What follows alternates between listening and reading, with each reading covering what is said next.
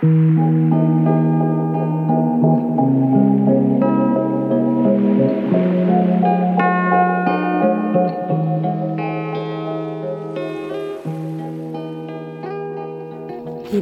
skal jeg si velkommen til professor emerita Kari Dyrekrov. Og jeg har invitert deg for å snakke om sorg som diagnose. Men, men, kanskje før vi hopper inn der, kanskje du bare forteller litt hva er hva er sorg, og hva er sunn sorg, og når blir det diagnose? Og rett og slett begrunne der. Ja. Eh, takk skal du ha. Nei, for jeg tenker at eh, for å kunne snakke om komplisert sorg, forlenget sorgdiagnose, som det nå heter, så uh, er, det, er, det, viktig å ta utgangspunkt i hva, er, hva er, tenker man som sunn, en sunn sorgprosess. Og, for det betyr jo ikke at man ikke sørger, og det er viktig. Sant? En, en sunn sorgprosess innebærer at en godtar realiteten. En, å, og ta inn over seg, klare å ta inn over seg det endelige ved dødsfallet. Uh, og så innebærer det at man opplever og takler, håndterer på noe vis uh, det smertefulle. emosjonelle reaksjonene Eh, ved dødsfallet. Og det kan være tristhet, det kan være sinne, bitterhet, forvirring, skyld, skam, angst. Altså det er mange, mange eh, reaksjoner.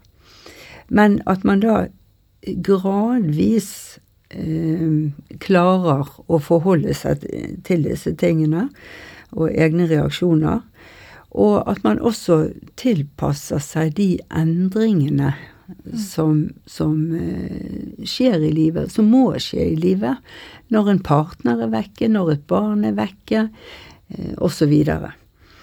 Uh, og at man også greier, og det er kjempevanskelig, å endre på identitet. Sant? Fra f.eks. For å ha vært forelder til fire, og så er man forelder til tre. Eller for ikke å snakke om hvis man mister eneste barn. Mm. Det er en enorm eh, utfordring for de som opplever det. Mm. For da er man opplever man at man er ikke forelder lenger. Og man er det jo ikke rent objektivt, men i hjertet er man det. Ja. Så her er det mange tilpasninger som må skje, og som også da innvirker på hvilken identitet har jeg? Hvem er jeg? Mm. Hvem er jeg som menneske? Så dette er sterke ting. Eh, og vanskelige ting. Eh, det at man klarer å utvikle, utvikle nye relasjoner, eller styrke de eksisterende, eh, som hjelp til å håndtere sorgen Og håndtere ensomhet, sånn at man ikke isolerer seg. Mm. Det er også en viktig del av tilpasningen eh, i, et, i, en sunn sorgprosess. Og så er det viktig at man, man klarer å opprettholde en kontinuerlig og sunn tilknytning til den døde. Mm. Så det er ikke snakk om at en sunn sorgprosess innebærer at man glemmer den døde. Sånn som, sånn som, faktisk i, i, tidligere tider så ble det sagt glem ditt døde barn, mm. få et nytt barn og gå videre. Mm. Det, sånn ser man ikke på en sunn sorgprosess i dag. I dag ser man at det er viktig å ha de gode minnene, bevare den døde i hjertet, men samtidig klare å ta livet videre. Sånn at eh, når man da snakker om fordi at det vil være på den ene siden det, det man ønsker at skal skje over tid. Yeah. Uh, og det er helt normalt å, ha, å stå i et vilt kaos uh, like etter dødsfall. Det er faktisk normalt å uh, ha ganske mange utfordringer ganske lenge. Mm. Men når uh, de sterke reaksjonene som var i starten, vedvarer over tid. Eh, det ikke skjer noen endring. Det skjer ingen av disse tilpasningene, disse eh, som jeg har nevnt her. Eh, da bør det begynne å være noen varsellamper i omgivelsene hos fagfolk. Det som da karakteriserer det vi kaller forlenget sorglidelse, altså som nå da ble en diagnose i ICD-11-systemet fra 2018, og det kommer også i det andre diagnosesystemet, DSM-5. kommer der en, en lignende diagnose. Eh, det den og de diagnosene handler om, det er at den, de sterke reaksjonene fortsetter. Uten endring. Og adskillelsen fra den døde er det som er i sentrum. Ja. Det at man har mistet det at den personen er borte. Ja. Du sa over tid. Eh, sånn cirka hva Er det mulig å si noe om at når er det man skulle ha blitt bekymra for, mm. for noen å stå nær? Ja, det, det som ligger i ett av diagnosekriteriene. For i alle diagnoser så er det en rekke kriterier som skal være oppfylt mm. for at en lege eh, skal kunne sette diagnosen. Og en av de, eh, og det viktige kriteriet som skal være til stede, det er det vi kaller tidskriteriet, som ligger på seks måneder. Hvis man, når man kommer til eh, seks måneder, har et så en, eh, sterkt separasjonsubehag, man har intens og vedvarende gråt, lengting, som ikke har endret seg siden da det skjedde, eh, opptatthet av den døde er helt altoverskyggende. Og det kan være så altoverskyggende at man ignorerer andre barn i familien, f.eks. hvis en har mistet et barn, så en, en, kan ikke forholde seg til andre barn. Eh, og noe av det som også karakteriserer det vi vil kalle forlenget sorglidelse, det er en benekting og manglende akseptering av at det har skjedd. Av dødsfallet. Og store vansker med å gå videre i livet. Eh, livet og fremtiden oppleves meningsløs, formålsløs. Eh, og disse intense opplevelsene vil hemme dagliglivets funksjoner i arbeid, i fritid. Eh, man vil ikke kunne gå i arbeid, man vil ikke gjenoppta det sosiale. Altså det ganske Det er ikke, det er ikke normal sorg. Det er ikke en eh, Og noe som også eh, følger på, og som jo kan være livstruende, det er at man også, som Colin Murray Parks eh, så i sine kliniske studier og i sin kliniske virksomhet, en veldig kjent sorgforsker i England, det var jo suicidale tanker og suicidale reaksjoner var ganske hyppig for Eh, eller hyppigere for den lidelsen. Og eh, noe som er veldig, veldig viktig som en eh, når en snakker om kriterier og hva som kjennetegner, det er jo at dette skiller seg fra depresjon og angstproblematikk. Selv om det selvfølgelig kan være overlapp også mm. til de tilstandene. Og helt til slutt så, så medfører jo en forlenget eh, sorglidelse en Eh, økt risiko for vedvarende sviktende helse. Mm. Og det er noe vi også har sett i forskning. Mm.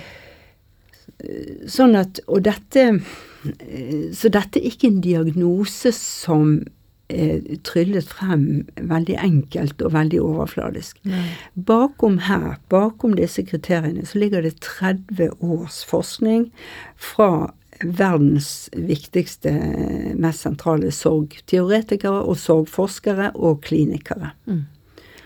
Det er jo 30 års forskning, altså. Ja. ja. Men hva er det som gjør at det er viktig at vi har fått på plass den, mm. den mm. diagnosen? Mm. Det er viktig uh, fordi at de som rammes av den, og uh, de har til dels blitt feilbehandlet gjennom mange, mange år. Og når jeg sier de, så kan jeg jo si litt om hvor mange vi tenker at dette er. For av alle dødsfall, eh, og i Norge så dør det en vel 40 000 mennesker per år. Mm. Eh, av disse så vil det være noen dødsfall som har større sjanse for komplisert sorg, forlenget sorglyse, enn andre dødsfall. Og det vil være det vi kaller de unaturlige dødsfall. Altså plutselig uventede dødsfall, og inklusive barnedødsfall. Ja. Som vi ikke forventer skal skje. Og sånn at det ca. 10 eh, her viser internasjonal og nasjonal litteratur litt ulik, men ca. 10% av alle dødsfall vil kunne eh, eh, omfattes eh, Altså, og da er det de etterlatte rundt disse dødsfallene. Mm. Sant? Så det blir ikke 10% av 40 000, men det blir 40 000 Eh, altså 4000, da, som er 10 ganget med antall etterlatte per. Så vi kan snakke om ja, kanskje 40 000 etterlatte. Hvis det er ti veldig nære, sannsynligvis er det litt lavere. Men uh, etterlatte ved narkotikarelatert død vil nok ha en større uh, sjanse for komplisert død. Fordi at det er det, det innehar disse plutselig uventete, potensielt traumatiserende eh, forholdene mm, og stigma. Ja. Så sa du at det, at det, er viktig for at folk skal få den rette type hjelpen, og at, at folk har blitt feilbehandlet. Hva, hva, hva, handler det om? Hvordan, hvordan da? Mm. Eh, altså, det som eh, For det første har det vært veldig lite kunnskap om sorg eh, og komplikasjonene til sorg. Altså Og det som nå er blitt da den, den viktigste formen for komplisert sorg, som er, eller vanligste og viktigste, som er forlenget sorglidelse. Altså dette at det ikke avtar over tid, sånn som en, en sunn eh, sorgprosess. Og når jeg sier sunn, så handler ikke dette om eh, Altså dette handler om hva som er hensiktsmessig. Hva som er hensiktsmessig for et enkeltmenneske for ja. å ta livet videre. Eh, og hvis ikke fagpersoner har kunnskap, så kan de heller ikke hjelpe. Og noe av det som har skjedd av ulike grunner, det har jo vært at sørgende som har hatt disse, uh, dette lidelsestrykket tidligere, for dette har de hatt i mange, mange år, men de har blitt forstått som at de lider av depresjon, de lider av angst. Uh, de diagnosene som uh, de profesjonelle kan noe om, har hatt i sitt diagnostiske verktøy, så har de fått den type diagnoser. Rett og slett og får man en depresjonsdiagnose når det handler om forlenget sorg, mm. så kan man oppleve å få medikasjon, altså medisiner, som faktisk gjør en mindre i stand til å takle den kompliserte sorgen. Mm. Fordi man blir neddempet i, i følelsesrepertoaret, og en får ikke bearbeidet, en får ikke forholde seg til det som er problematikken. Så, så feilbehandling er en problematikk, og så er det andre eh, grunner. Eh, og det er at for eksempel eh, depresjonsdiagnose, angstdiagnose, eh, blir i noen, av noen, opplevd som eh, stigmatiserende. Mm. For jeg er ikke psykisk syk, jeg har bare mistet mitt barn, jeg, er det noen som sier. Eh, det burde jo ikke vært stigma rundt psykisk lidelse, det er en annen bit. Men, men sånn at opplevelse av stigmatisering eh, når en tenker at det ikke er det det handler om. Eh, og så har det vært faktisk karantenediagnoser i forsikringssammenheng. Mm. Har du depresjonsdiagnose, eller har du Så så kan du ha blitt satt i karantene for visse rettigheter. Ja. Altså, sant? Så det har vært um, Det har vært uh, Ja, en del Jeg tror nok at en del av de tingene der er i ferd med å bedre seg, for det er mye mer oppmerksomhet på den problematikken. Men uh, det å få en sykemelding på reelt grunnlag er jo så viktig. Uh, både for egen Føle at en blir forstått i det en står i, og å få den riktige hjelpen for det en står i.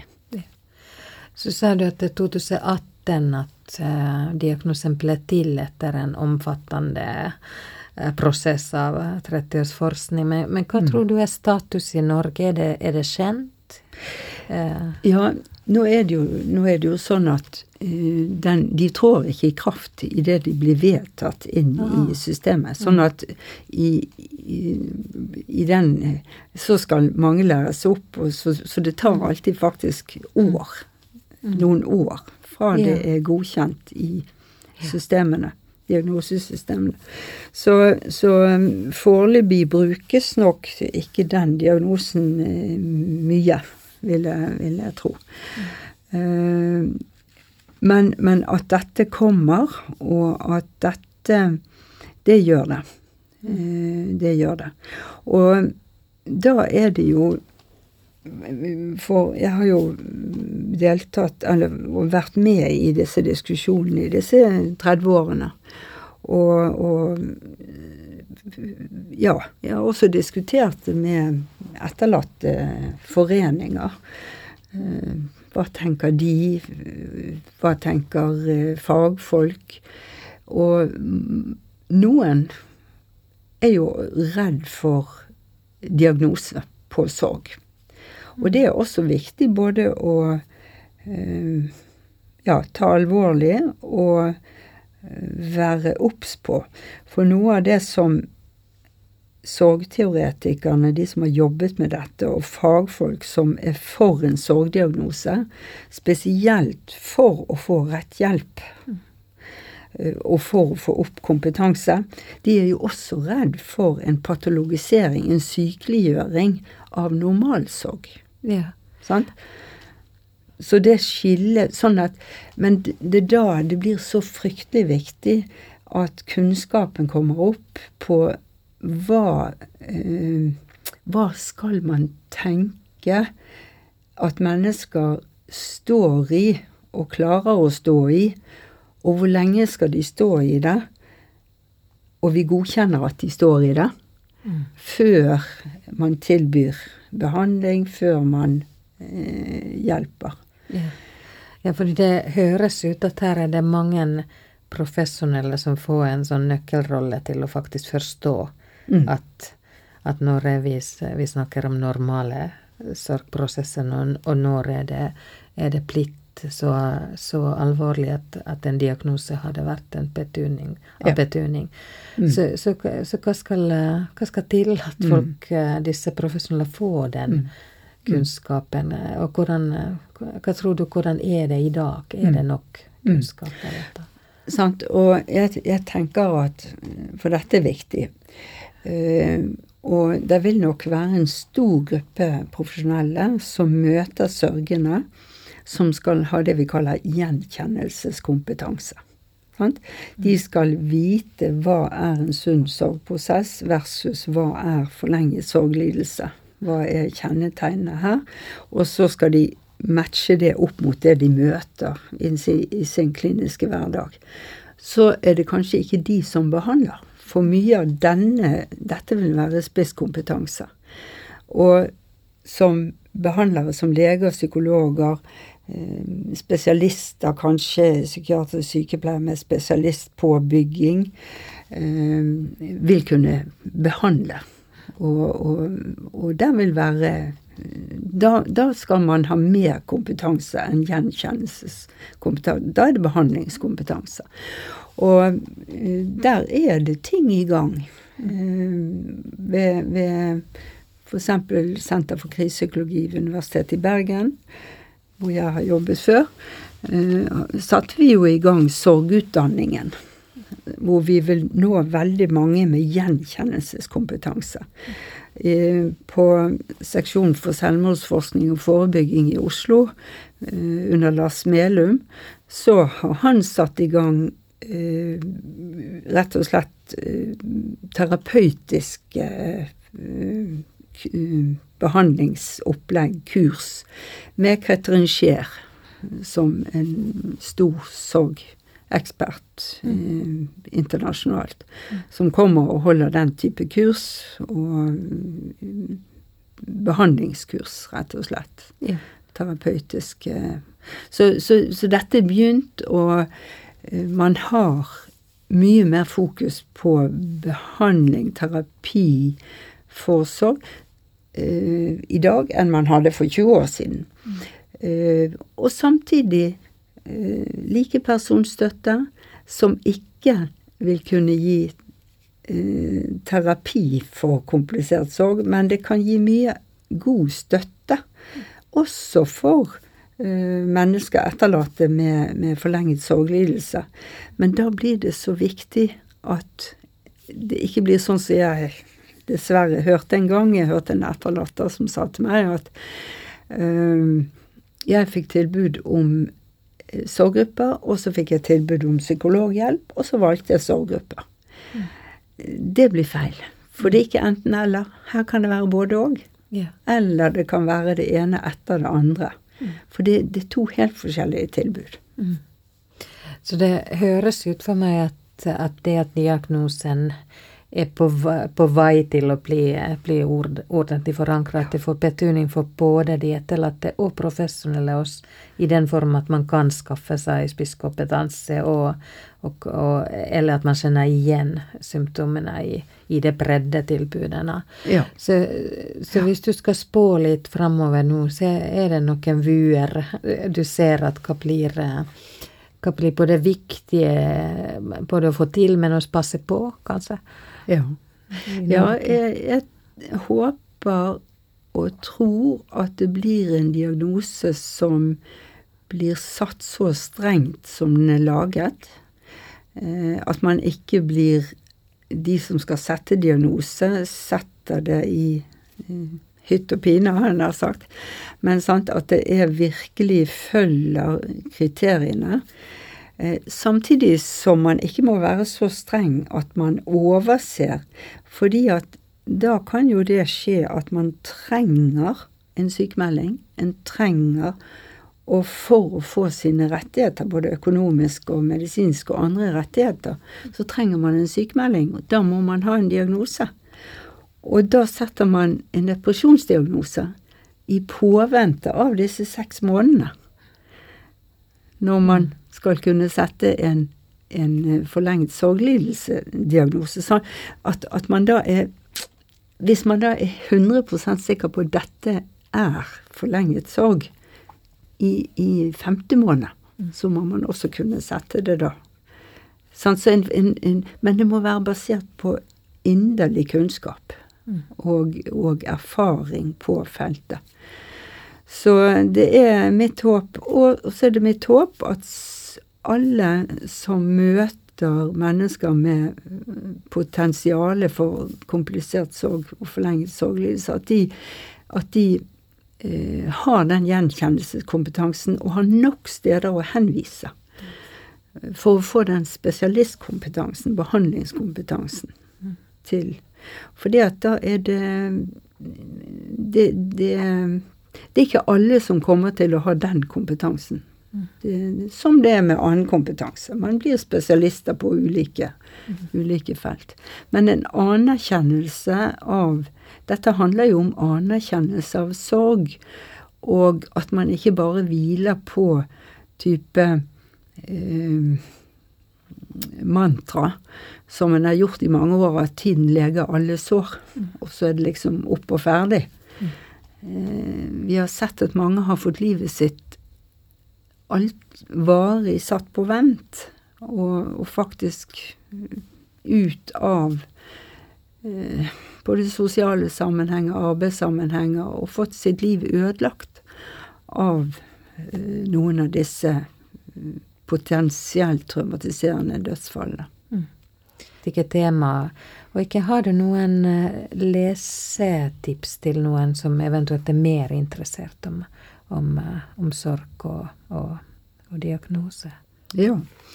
Der er skrevet uh, noe gjennom årene, men og det er skrevet vesentlig av vi som jobbet på Senter for krisepsykologi.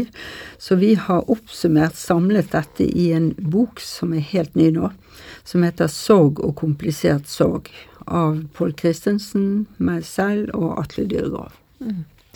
Så det kan jo være en av Vi har jo snakket om det at det er behov for, for mer kompetanse og kunnskap, eh, både i dybde og bredde. Så dette kan være en av de mulige kildene til, til det. Ja, det var det vi håpet at boken skulle bidra til. Ja, Flott. Men tusen takk, Kari, at du kom. Takk skal du ha. Ja, takk. Du har nå hørt en podkast fra Høgskolen på Vestlandet. Du kan høre flere podkaster fra oss ved å gå inn på nettsiden hvl.no slash podkast.